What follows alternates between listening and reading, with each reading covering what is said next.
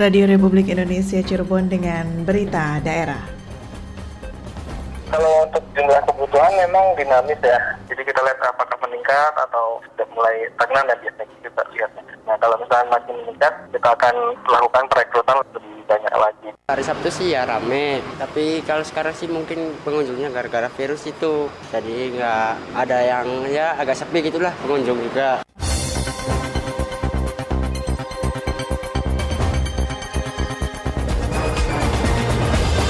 Sari Berita, Ikatan Dokter Indonesia IDI melakukan rekrutmen relawan tenaga medis. Pedagang pal gentong di Kabupaten Cirebon mengeluhkan omset penjualan yang menurun drastis. Bersama saya Lisma Julia Sari, inilah berita daerah selengkapnya.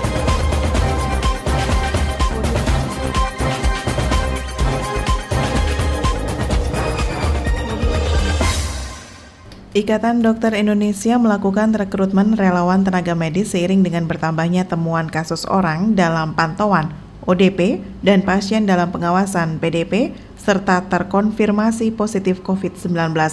Laporan selengkapnya disampaikan Yulianti. Seiring dengan bertambahnya temuan kasus orang dalam pemantauan ODP dan pasien dalam pengawasan PDP serta terkonfirmasi positif COVID-19, maka dibutuhkan tenaga medis terutama dokter untuk terlibat dalam penanganan kasus teridentifikasi ODP dan PDP. Hal itu yang mendasari Ikatan Dokter Indonesia melakukan rekrutmen relawan tenaga medis.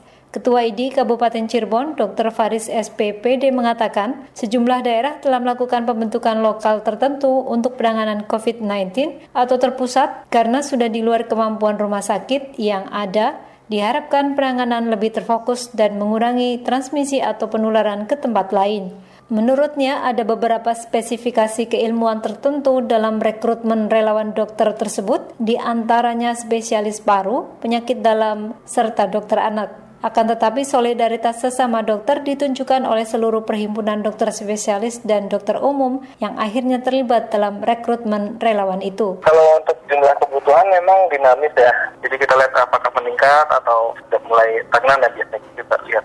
Nah kalau misalnya makin meningkat, kita akan melakukan perekrutan lebih banyak lagi. Karena kita pun tahu dokter-dokter juga akan memiliki kewajiban tempat tugas juga ya. Jadi dengan dilakukan beberapa skala prioritas, maka akan dilakukan perekrutan relawan yang lebih sistematis. Jadi dengan tidak mengesampingkan pelayanan kesehatan yang sudah ada, juga uh, untuk dokter dengan kelowongan dan kesiapsiagaan tertentu itu yang lebih fokus untuk pada rekrutan relawan. Dr. Faris menambahkan, ID dan Perhimpunan Dokter Spesialis sudah melakukan advokasi dan turut berperan bersama pemerintah daerah menyusun perencanaan dalam penanganan COVID-19.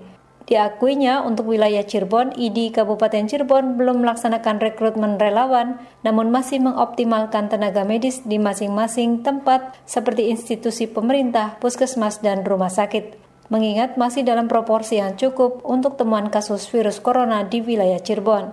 Bila dalam konteks bencana, hal kegawat daruratan, keselamatan bagi tenaga kesehatan atau pasien yang terkena, maka secara regulasi dibolehkan skema dokter lintas batas.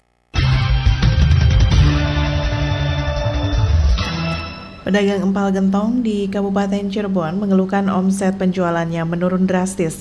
Selengkapnya dilaporkan Lengga Ferdiansyah. Sejumlah pedagang makanan khas Cirebon mengeluhkan pendapatannya menurun drastis. Hal ini menyusul keputusan pemerintah memperlakukan work from home atau kerja dari rumah serta social distancing atau jaga jarak dalam upaya menekan penyebaran virus corona selama dua pekan. Salah seorang pengelola restoran empal gentong di sentra kuliner Tengah Tani Kabupaten Cirebon, Ilal mengatakan sejak diberlakukannya keputusan tersebut pada 16 Maret kemarin, hingga saat ini omsetnya mengalami penurunan. Penurunan omset hampir 50% lebih. Sebelum adanya keputusan tersebut, kunjungan ke restoran selalu ramai. Hampir setiap harinya bisa menjual empal gentong antara 50 hingga 100 porsi. Tetapi sepekan terakhir ini hanya bisa menjual antara 10 hingga 20 porsi per hari. Biasanya kalau hari Sabtu sih ya rame, tapi kalau sekarang sih mungkin pengunjungnya gara-gara virus itu, jadi nggak ada yang ya agak sepi gitulah pengunjung juga. Minimal apa itunya dah rata-rata apa pendapatannya ya mungkin satu juta, ya pengennya ya rame. Ilal berharap mewabahnya coronavirus ke Indonesia dapat segera ditangani oleh pemerintah sehingga aktivitas dan kegiatan masyarakat bisa kembali pulih seperti semula. Lengga Ferdiansyah melaporkan. Sejak seminggu terakhir ini, masyarakat di sejumlah tempat di Kabupaten Cirebon kesulitan gas bersubsidi 3 kilo. Selengkapnya dilaporkan Cece Rukmana. Harapannya ya di masa yang anjuran pemerintah untuk berdiam diri di rumah sama kebutuhan yang ada dibutuhkan oleh masyarakat ya minimal ada gitu. Gak susah untuk mencarinya, gak harus muter-muter yang bersinggungan dengan kontak fisik dengan orang-orang. Sejak pemerintah mengeluarkan kebijakan sosial distancing atau isolasi sosial, sudah seminggu ini masyarakat Kabupaten Cirebon kesulitan mendapatkan gas LPG 3 kilo. Ragil Mardiono, warga desa Kecamatan Weru, Kabupaten Cirebon, mengaku kesulitan memperoleh gas melon bersubsidi di beberapa pengecer di wilayahnya, bahkan hingga ke luar kecamatan. Susah tuh mbak, susah. Ragil nyari dari Weru ke sana ke Megu, Megu gede nggak ada terus ke Trusmi kosong juga. Sampai lari ke Pilang Pilang kosong. Sampai ke Pecilon Pecilon nah, sama. Sama ketemu orang juga. Mau cari di mana? Iya kosong. Pengecernya ya sama. Numpuk itunya aja. Gas kosongnya aja masih nunggu kiriman katanya. Tadi yang ngobrol juga katanya dia udah deposit 2 juta masih belum dikirim juga. Di pom bensin juga nggak ada. Ragil menuturkan sempat ditawarkan gas LPG di salah satu pengecer tetapi harganya 30 ribu per tabung, padahal harga eceran tertinggi gas 3 kilo hanya 16.000 dan di tingkat pengecer 20.000. Untuk memenuhi kebutuhan sehari-hari, terpaksa harus membeli masakan meski bertambah biaya dan terasa membebani, apalagi sejumlah kebutuhan pokok masyarakat ada yang mengalami kenaikan harga. Sementara Kabit Perdagangan dan Promosi Dinas Perdagangan dan Perindustrian Kabupaten Cirebon, Dadang Heriadi membenarkan adanya kekurangan pasokan gas LPG 3 kg di masyarakat. Berdasarkan prediksi Pertamina, kelangkaan tersebut disebabkan adanya pengalihan pengguna gas alam ke gas melon. Saat ini Dinas Perdagangan dan Perindustrian Kabupaten Cirebon telah mengajukan tambahan fakultatif gas LPG 3 kilo ke Pertamina. Jadi sekarang itu ini baru asumsi Pertamina aja ya, baru prediksi Pertamina. Dan sekarang ini harga gas alam itu naiknya sampai 100%. Sehingga banyak orang yang anu gas alam sekarang beralih ke gas yang LPG gitu tuh yang 3 kilo terutama karena murah. Memang agak sedikit kekurangan kita ini makanya kita udah udah mengajukan ini untuk tambahan fakultatif. Ditambahkan Dadang Heriadi, pengajuan fakultatif yaitu satu kali alokasi harian kurang lebih 70 ribu tabung, sedangkan kuota LPG setahun 64,632 metrik ton. Akibat kesulitan mengontrol harga gas 3 kilo di tingkat pengecer, akhirnya banyak yang memanfaatkan situasi dengan menjual gas bersubsidi melebihi batas kewajaran. Di Perdagin akan memantau ke tingkat pangkalan untuk mengetahui titik kelangkaan gas melon. Seminggu ke depan atau paling telat awal April 2020, ketersediaan gas LPG 3 kilo dipastikan bisa normal kembali. Cacar Ke mana melaporkan. Saat ini Anda sedang mengikuti berita daerah Radio Republik Indonesia Cirebon. Saudara, selanjutnya kita ikuti berita olahraga. Berita olahraga. Berita olahraga. Sejumlah event olahraga di Kabupaten Cirebon ditunda karena merebaknya wabah virus corona. Selengkapnya disampaikan Alex Sunardi. Sejumlah event olahraga di Kabupaten Cirebon yang sedianya akan digelar dalam minggu-minggu ini terpaksa ditunda hingga batas waktu yang belum dipastikan akibat penyebaran virus corona yang semakin masif di Indonesia termasuk di Kabupaten Cirebon. Event-event olahraga tersebut di antaranya kejuaraan balap motor Cirebon Katon Championship, turnamen futsal antar organisasi perangkat daerah, serta pertandingan eksebisi sepak bola eksekutif dan legislatif.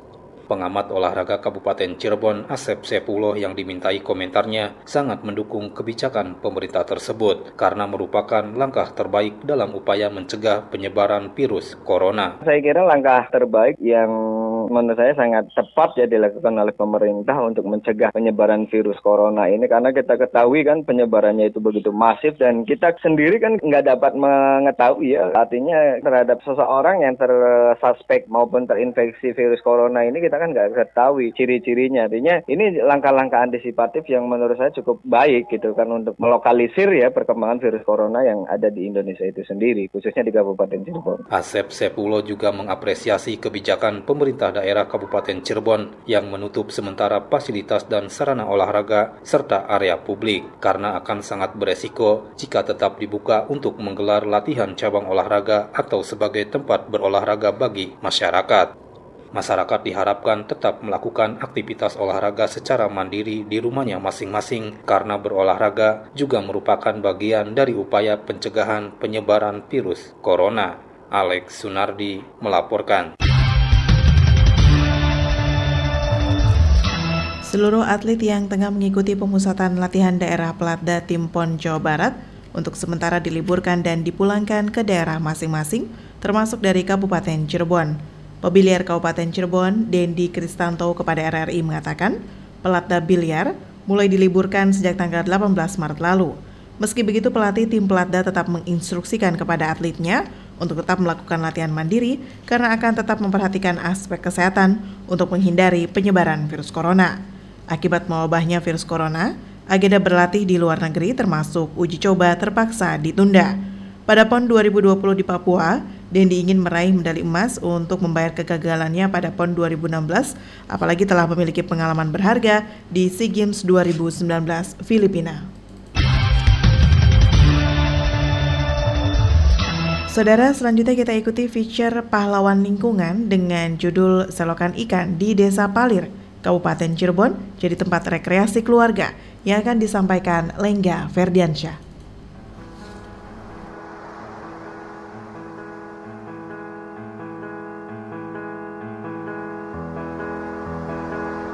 Ada yang berbeda di sebuah selokan yang berlokasi persis di pinggir jalan Ki Ageng Tapa, Blok Kulon, Desa Palir, Kecamatan Tengah Tani, Kabupaten Cirebon pada umumnya. Selokan ini dihuni ribuan ikan dari berbagai jenis seperti ikan nila, ikan mas, dan ikan mujair dengan beraneka warnanya. Ikan-ikan ini sengaja ditanam oleh pemerintah daerah setempat. Terwujudnya selokan ikan diprakarsai oleh Turahman, Kepala Desa Palir, Ide pembuatan selokan ikan muncul ketika melihat pengendara melintas di kampungnya dengan seenaknya membuang sampah ke selokan. Berawal dari hal itulah, pemerintah desa Palir menyulap selokan menjadi selokan ikan dengan panjang kurang lebih 40 meter. Selokan ikan mulai dibangun pada awal triwulan ketiga tahun 2019 Pembangunan selokan ikan juga dibarengi dengan pembangunan tempat duduk mirip halte yang difungsikan untuk tempat duduk warga yang ingin melihat ikan-ikan tersebut. Di ujung selokan dipasang sekat jaring agar ikan tidak kabur sekaligus sebagai alat penyaring sampah. Tujuan utama ditanami ikan untuk menjaga dan menyadarkan masyarakat agar tidak membuang sampah sembarangan, bukan tanpa tantangan. Salah satu program pemerintah desa ini mendapat penolakan dari sebagian warga. Namun, pemerintah desa tetap mempertahankan program yang dipercaya akan berdampak baik bagi lingkungan dan masyarakat. Awal mula dari saya punya ide untuk membuat solokan itu. Saya tanamin ikan adalah dengan maraknya sampah yang asal orang buang itu asal lempar-lempar aja.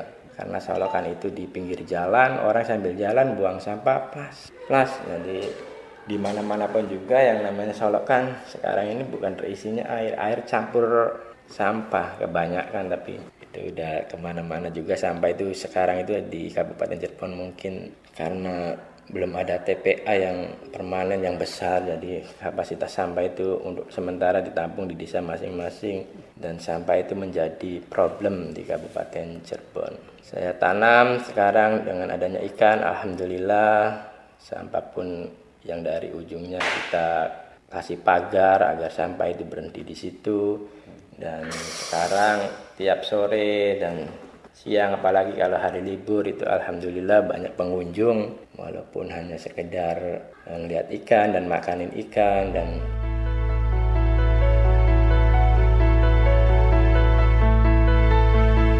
Menurut Turahman, sebelum selokan ikan dibangun, kondisi selokan di desanya memprihatinkan.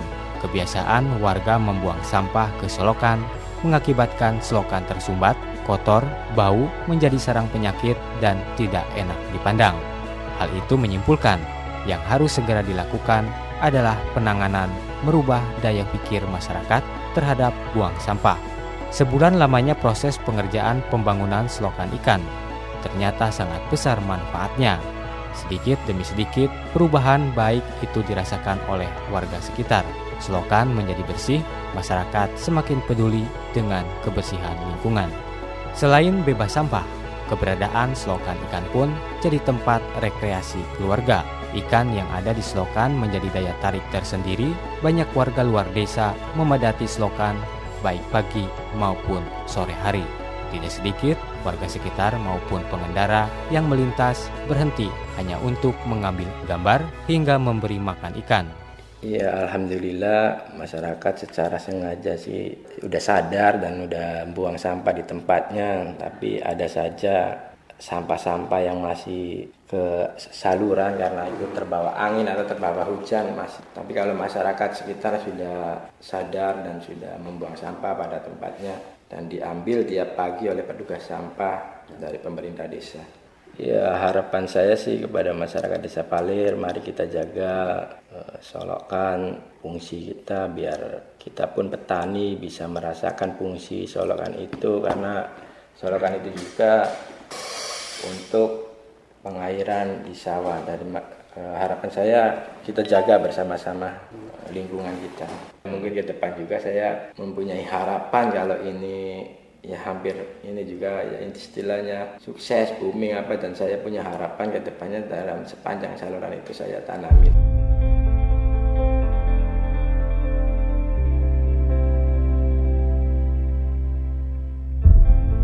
Konsep dalam memberi penyuluhan dan pengertian kepada warga dalam hal kebersihan lingkungan tidak harus melalui imbauan dengan memberikan contoh langsung dirasa lebih efektif membuat warga sadar.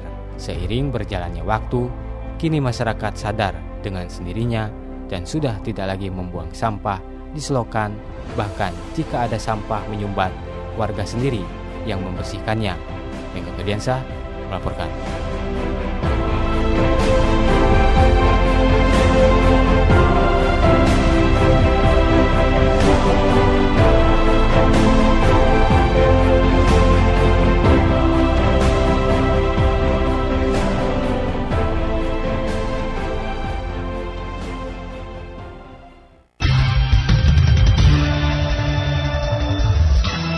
Saudara sekian berita daerah kali ini. Terima kasih untuk kebersamaan Anda. Selamat berhari Minggu. Sampai jumpa. Demikian rangkaian berita aktual pagi ini dalam Buletin Berita Daerah Radio Republik Indonesia Cirebon.